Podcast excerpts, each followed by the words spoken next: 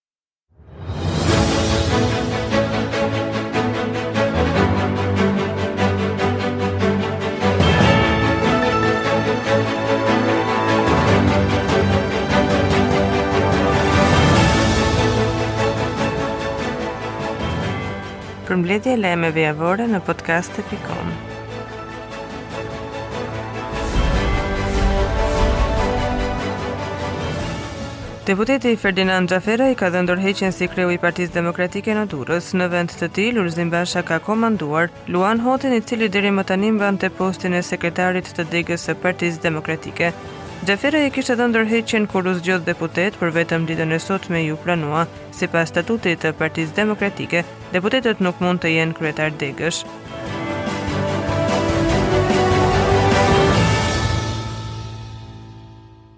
Kristian Kelmendi dhe Marjan Kola janë dy personat e arrestuar nga policia për vrasjen e ish-deputetit Pashko Ujka në mes të Shkodrës mbrëmjen e 29 nëntorit. Policia thotë se të arrestuarve u janë gjetur gjurmë baruti në trup. Në vitin 2005 deri në vitin 2009 Ujka ka shërbyer si deputet.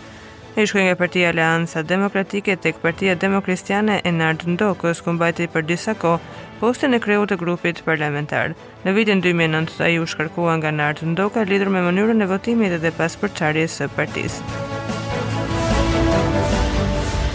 Në vitin 2011 deri në vitin 2015 ai ka drejtuar komunën e Velipojës për një mandat nën siglën e Partisë Socialiste, ndërkohë që ka qenë edhe në krye të ekipit sportiv Ada.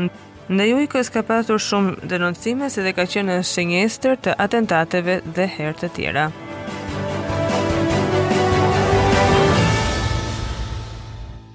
Eduard Struka, ish drejtori i burgut Jordan Misja dhe Florin Ahmetaj, përgjegjës në sektorin e këtij institucioni janë dënuar me burg nga gjykata e posaçme Këta dy persona sipas SPAK i kanë marrë 5 milion lek shtetasit Iliriano Paço, 5 milion që ky i fundit të fuste në burgun 313 disa makineta për kafe.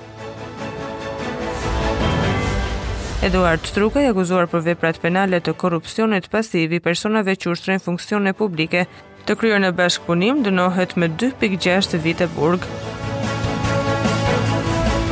Florin Ahmetaj, i akuzuar për veprën penale korrupsion pasiv të personave që ushtrojnë funksione publike, kryer në bashkëpunim dënohet me 4 vite burg. Ervin Kërtulla, akuzuar për veprën penale të korrupsionit aktiv i personave që ushtrojnë Funksione publike dënohet me tre vite burg.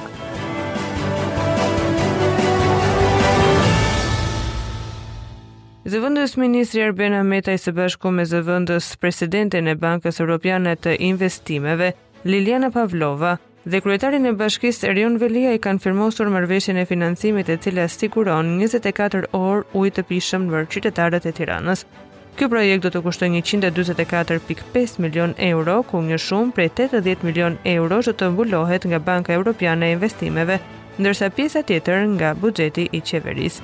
Ky fond do të përdoret për infrastrukturën e ujësjellësit dhe sipas Ahmetajt, banorët e Tiranës do të kenë njëzet e katër orë ujë pasi nuk është një projekt 3D.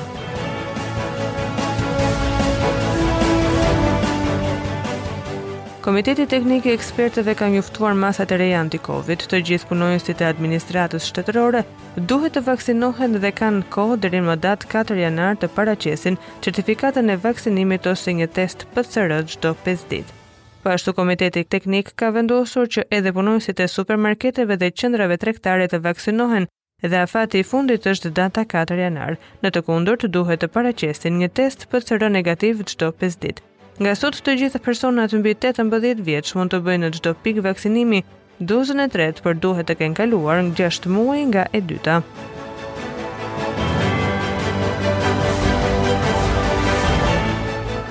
Pas vendimit për vaksinimin e mësuesve dhe studentëve, komiteti ka marrë vendimin që deri më datë 31 dhjetor të gjithë punonjësit e administratës publike, punonjësit e supermarketeve dhe qendrave tregtare që nuk janë vaksinuar të vaksinohen deri më datë 4 janar, ku do të kërkohet karta e vaksinimit ose prova të testit PCR negativ çdo 5 ditë.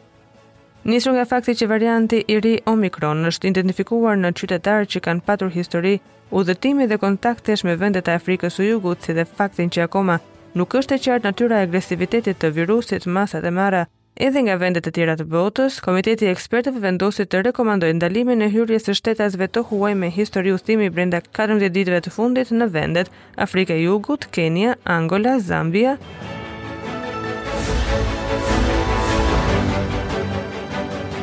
dhe Senegal, duke filluar nga data 3 dhjetor për 3 javë. Shtetasit shqiptarë rezidentë që vinë në Shqipëri dhe kanë një histori udhëtimi 14 ditët e fundit para mbërritjes në vendet e listuara më sipër, do të karantinohen në shtëpitë e tyre për 14 ditë dhe do të monitorohen nga njësitë shëndetësore.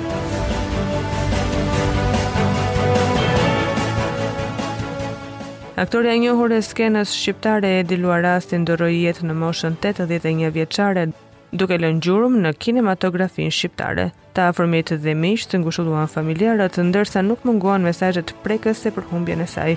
Luarasi mbylli sytë pas betejës së gjatë me një sëmundje të rëndë.